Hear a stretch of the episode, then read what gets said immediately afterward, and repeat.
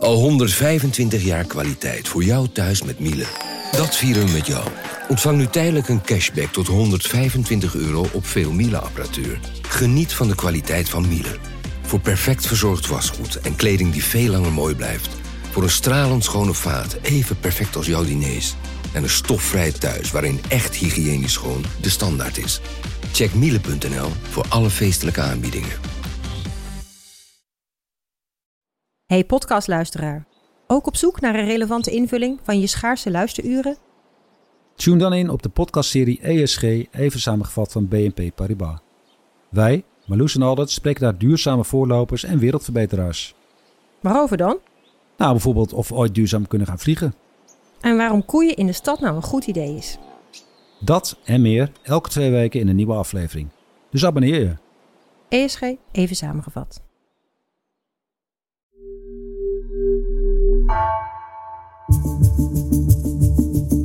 Vanaf de redactie van NRC het verhaal van vandaag. Mijn naam is Geertje Tunter.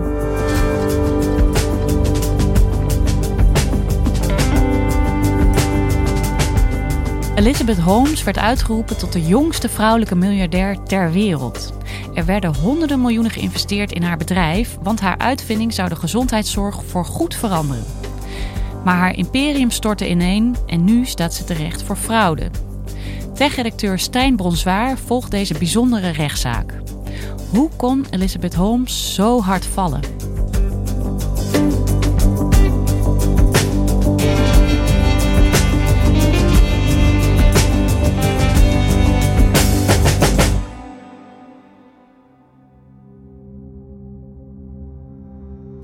Vandaag begint een van de grootste fraudezaken uit de Amerikaanse geschiedenis. Het is echt een rechtszaak waar al jaren naar wordt uitgekeken. Bijna een Hollywood-verhaal over de rise en fall van een superster in Silicon Valley. Het gaat over Elizabeth Holmes, de oprichter van Theranos. Dat is een uh, biotechbedrijf dat claimde een apparaatje ontwikkeld te hebben waarmee je met één prik in de vinger bloed kon afnemen en heel snel binnen enkele minuten ziektes kon opsporen. Well, I was wondering if you would take a blood test for us, which is one drop of blood. One drop? Bring it on. En ze werd ja, echt op handen gedragen in, uh, in Amerika. Ze heeft honderden miljoenen opgehaald met, uh, aan investeringen voor dit bedrijf. En op het hoogtepunt was Theranos zelfs 20 miljard dollar waard. En daarmee ook een van de meest waardevolle start-ups in Amerika. The woman who I will be interviewing needs no introduction. A healthcare pioneer is being compared to visionaries like Bill Gates and Steve Jobs. This morning, Elizabeth Holmes is part of the new Time 100 list just out. En dat hele beeld is inmiddels totaal afgebrokkeld en ingestort. Dit verhaal geeft een inkijkje in hoe de wereld van investeerders en Silicon Valley werkt. hoe, hoe investeerders blind kunnen varen op beloftes voor de toekomst die gewoon niet altijd waar te maken zijn. En hoe iemand zich onder druk van die beloftes kan verliezen. En nou ja, deze Elizabeth Holmes, wat voor figuur is het eigenlijk? Ja, eigenlijk ze, ze groeide op in een heel gemiddeld Amerikaans gezin. Ze is geboren in Washington D.C. Ze is vaak verhuisd en dat maakte haar, zei ze zelf in interviews, een happy loner. Dus het is iemand die heel op zichzelf was, um, heel extreem slim. Ze was ja, zo'n kind dat uh, op negenjarige leeftijd al uh, Moby Dick van uh, kaf tot kaf las. Hm. Ja. En ouders had die eigenlijk nooit zeiden van dat is belachelijk en dat gaat je nooit lukken. Maar bij alles zeiden niks is onmogelijk. Dat was eigenlijk de boodschap die ze heel erg vanuit huis meekreeg. Op 18-jarige leeftijd ging ze naar uh, Stanford, dus een hele prestigieuze universiteit. Daar ging ze chemische technologie studeren. En daar kwam ze eigenlijk na een jaar in het lab daar te werken, deed ze een soort vinding, een soort ja, uitvinding. Waarin je met één druppel bloed meerdere testen kon doen. En zij besloot als student daar patent op aan te vragen. En besloot toen, ik stop ermee. Is echt een school, school drop-out. Ze stopte met haar studie en besloot daar een bedrijf van te maken. Ik heb met uh, Jessica Vuilsticker gesproken. En dat is een uh, gepromoveerde scheikundige die eigenlijk na haar promotie uh, besloot om dit als eerste baan te gaan doen. Dus zij solliciteerde bij Theranos. En dat was toen een heel geheimzinnig bedrijf. They were a bit secretive in terms of what they were actually doing. And they're very verbal about the fact that they are being secretive and couldn't tell me any details, which is sort of interesting. En zij had haar sollicitatiegesprek ook met Elizabeth Holmes. Dus wat, dat was eigenlijk haar eerste kennismaking met haar. En daar merkte ze, en dat is ook iets waar zij heel erg uh, ja, kenmerkend in was, die Elizabeth. Die, ze was heel rustig en praatte ook heel traag. Um, en ze stond bekend om iemand die jou continu aanstaarde als je met haar in gesprek was. Dus zij, en ze knipperde, ze knipperde zorgwekkend weinig met haar ogen schijnbaar.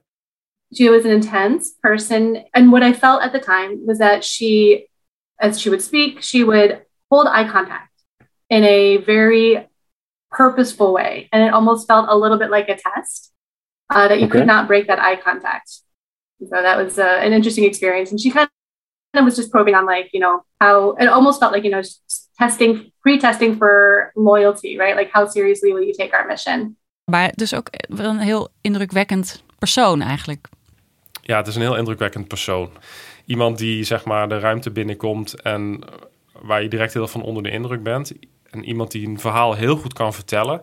People don't even know that they have a basic human right to be able to get access to information about themselves and their own bodies that can change their lives. Every person should have the ability to get that type of test because if you understand that early that you're at risk, there's a lot more that you can do about it. En zeker, ja, dat is in Silicon Valley heel belangrijk dat je het heel persoonlijk kan maken. Dus zij, ja, ze vertelde, ze was zelf altijd heel bang voor naalden als kind en wilde iets ontwikkelen waardoor het doen van bloedtesten heel dichtbij kon komen. En dat kwam op een goed moment, want dat was de tijd dat de zelftesten en dat soort zaken en dat mensen meer begrip over hun eigen data wilden dat was heel erg een opkomst. En zo'n investeerder zien dan meteen van, oh ja, dat bloedtesten, dat gaat eigenlijk heel omslachtig. Hè? Je moet naar een laboratorium en dan krijg je zo'n naald in je arm en dan nemen ze buisjes af. Het is een vrij onaangename ervaring. En dan moet je een hele tijd wachten. En dan krijg je je uitslag. En dan komt er in één keer iemand binnen die zegt: Ik heb daar iets heel gebruiksvriendelijks voor ontwikkeld. En straks kan bij de plaatselijke drogist kan je gaan zitten en dan krijg je een klein prikje in je vinger en dan hoor je direct of je kanker hebt of, of wat dan ook. Haar missie was, en dat, dat doet het ook heel goed in Silicon Valley, maar om te hopen dat er nooit meer mensen hun loved ones zouden verliezen door hmm. haar nieuwe product. Elizabeth's level of sheer will was massive. She like created all of this out of nothing. En um, daar kunnen we natuurlijk ook niet omheen. Ze was natuurlijk ook een vrouw in een, ja, in een mannenwereld. Dat valt natuurlijk ook heel erg op. Ja, wat, kijk, als je, in, in, als je een techbedrijf hebt en je hebt een idee, daar gaat het vaak om. Je hebt, je hebt pas een idee en je verdient nog geen geld. En om dat, van dat idee iets groots te maken, heb je investeerders nodig die geld steken in jouw bedrijf, waardoor je kan gaan groeien. En wat je heel erg ziet, en onderzoek heeft dat ook allemaal aangetoond, is dat de investeerders zijn heel vaak uh, vrijwel altijd mannen. En daardoor is het voor vrouwelijke ondernemers is het lastiger om aan investeringen te komen.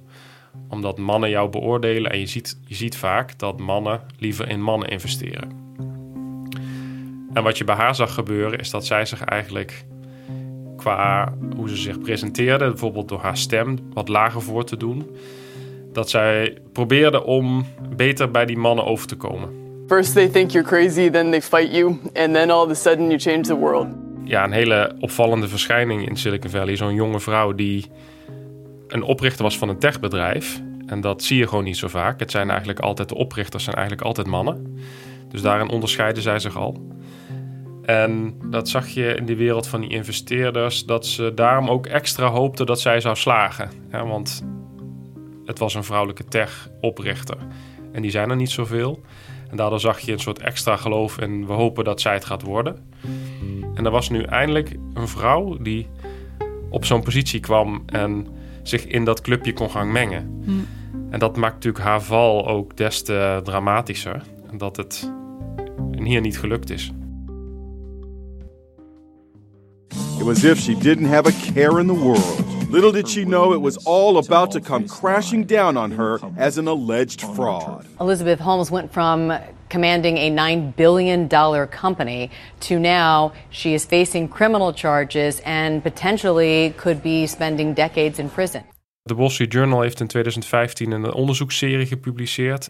Maar wat bleek was dat ze had een apparaat ontwikkeld en al die wetenschappers waren er ook heel hard mee bezig om dat beter te maken. Het apparaat zou zelf bloed moeten testen, maar de testresultaten waren gewoon niet betrouwbaar genoeg. Hm. Dus wat ze deed was, er kwamen heel veel bloedmonsters binnen en een groot deel van die bloedmonsters werden eigenlijk in reguliere laboratoria werden die gewoon getest, dus zoals dat gewoon normaal gaat. En dat werd vermengd met de resultaten van haar apparaat. Waardoor de resultaten dus veel positiever of accurater werden gepresenteerd dan ze waren. Zo. Het was dus ook niet zo dat dit allemaal nep was, dat het een soort nepapparaat was dat helemaal niks kon. Ze konden wel degelijk testen afnemen, alleen wat zij claimden dat, dat het apparaat zou moeten kunnen in de toekomst, en waar ze al bijna waren, zogenaamd, dat kon het apparaat nog lang niet. Dus het apparaat kon wel wat dingen, maar was gewoon, ja, leidde tot zulke onbetrouwbare onderzoeksresultaten dat het gewoon nog lang niet klaar was voor de praktijk. Dus ze was zich daar ook echt van bewust. Ja. En zij loog ook, heeft onderzoek van de Wall Street Journal aangetoond, over de contracten die ze al had gesloten. Ze had bijvoorbeeld tegen apotheekketen Walgreens, die later al die apparaten ook gingen plaatsen bij hun uh, in de apotheken, loog ze dat het ministerie voor Defensie al een groot contract had gesloten met Theranos over dat ze hun apparaat op het slagveld uh, en oorlogssituaties wilden gaan inzetten. Ja, ja. Nou goed, er waren zelfs patiënten ook die, die later een diagnose kregen dat ze kanker hadden op basis van zo'n apparaat, wat niet bleek te kloppen. Hm. Uh, dus ze wordt beschuldigd daarom van, van het voorliegen van investeerders en patiënten en fraude. Maar kijk, als je dit zo vertelt, hè, ik ben natuurlijk geen rechter, maar stiekem bloedtest op een andere plek laten doen, bijvoorbeeld, en, en, en dingen vertellen uh, die niet kloppen, ja, dan is dat toch ook gewoon fraude? Over of het zo is gegaan, daar is denk ik niet heel veel discussie meer over. Maar vooral, wie was hier nou verantwoordelijk voor? En in hoeverre zijn investeerders niet ook verantwoordelijk om dit allemaal goed te checken? Ja. ja, want dat is dan dus ook niet gebeurd. Er is eigenlijk niemand geweest Nee. die uh, goed zijn best heeft gedaan, goed zijn huiswerk heeft gedaan eigenlijk, uh, om te kijken of dit apparaatje wel kan wat zij beweerden dat het kon. Precies. Nee, en dat, dat hoor je heel vaak. Al als, als achteraf blijkt dat uh, de beloftes van oprichters toch uh, achteraf wat genuanceerder lagen. Hmm. Dat hebben we bij, bij tal van uh, andere voorbeelden gezien. Is dat de investeerders, dat die eigenlijk blind varen op een verhaal van iemand. Hmm. En uiteindelijk is dat ook, die wereld is ook dat je, uh, ja, je investeert in een, in een verhaal, in een belofte van iemand. En niet zozeer in harde data. Hè? Het is geen wetenschap. Het is Silicon Valley. You know that in Silicon Valley, it's all about fake it till you make it and project strength to the, you know, external world and keep your secrets close to the vest. And it felt like Theranos just took that a little more seriously, perhaps, than others. I kind of felt like she was actually surprisingly adept at walking a line between saying what we are in the process of doing versus what have we already accomplished. Dat is denk ik ook het fascinerende in deze zaak. Hè? Ook als je naar haar kijkt. Want je kan ook niet te bescheiden zijn. Je moet natuurlijk mensen wel een beetje overtuigen van jouw verhaal. Maar ja, je moet ook weer niet keihard gaan liegen. Dus dat is een beetje. Ja, je moet een beetje balanceren. Ja, en het is ook ja, in, in, in de techwereld en in Silicon Valley is dit een hele belangrijke rechtszaak. Ook omdat er nu de rechter een, uitspraak gaat doen over of de beloftes die heel vaak worden gedaan in deze wereld. Het gaat heel erg over je belooft dat je in de toekomst iets fantastisch gaat ontwikkelen dat de wereld gaat veroveren. En daar gaat heel veel, wordt heel veel geld in gestopt in die belofte. En vervolgens moet je dat proberen waar te maken. En in hoeverre is iets marketing en in hoeverre is het een leugen? Ja. En dat is ook het interessante van deze zaak, want daar gaat de rechter eigenlijk ook over oordelen.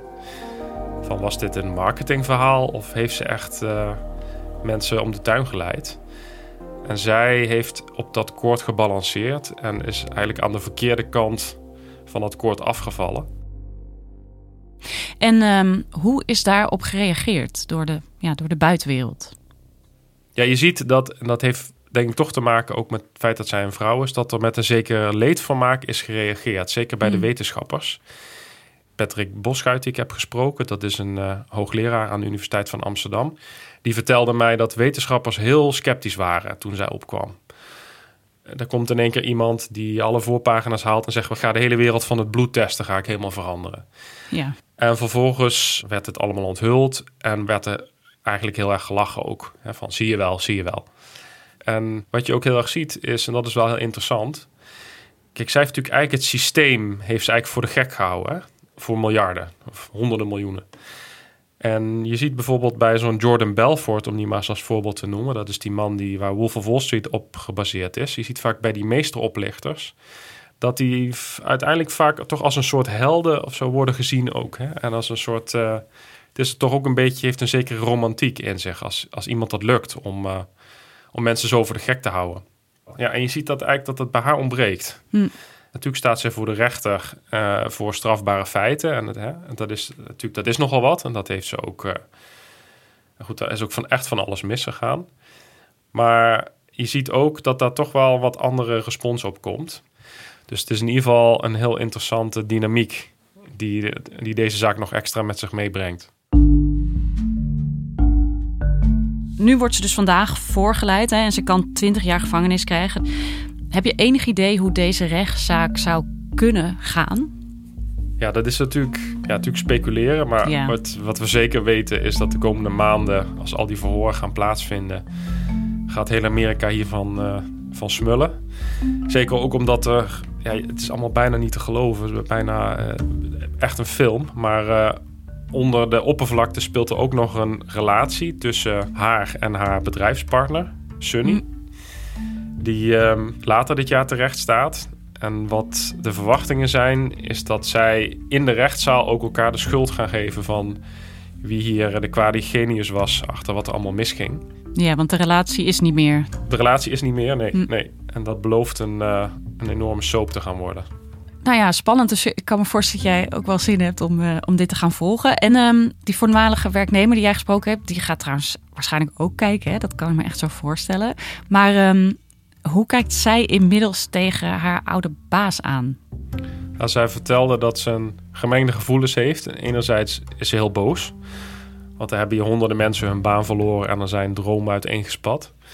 En tegelijkertijd voelde zij een soort ja, verdriet. En ook eigenlijk weemoed naar wat ze daar deden. Want ze zei, we waren echt iets aan het bouwen. I think there was so much potential for what they were building. And I think my biggest sadness about it is that it could have gone somewhere. I, I really do believe it could have gone somewhere. Had Elizabeth maar even op de rem getrapt, had ze maar even adem gehaald, had ze maar even op pauze gedrukt, dan hadden we misschien de wereld kunnen veroveren. Dat, dat geloofden ze nog steeds, ondanks alles.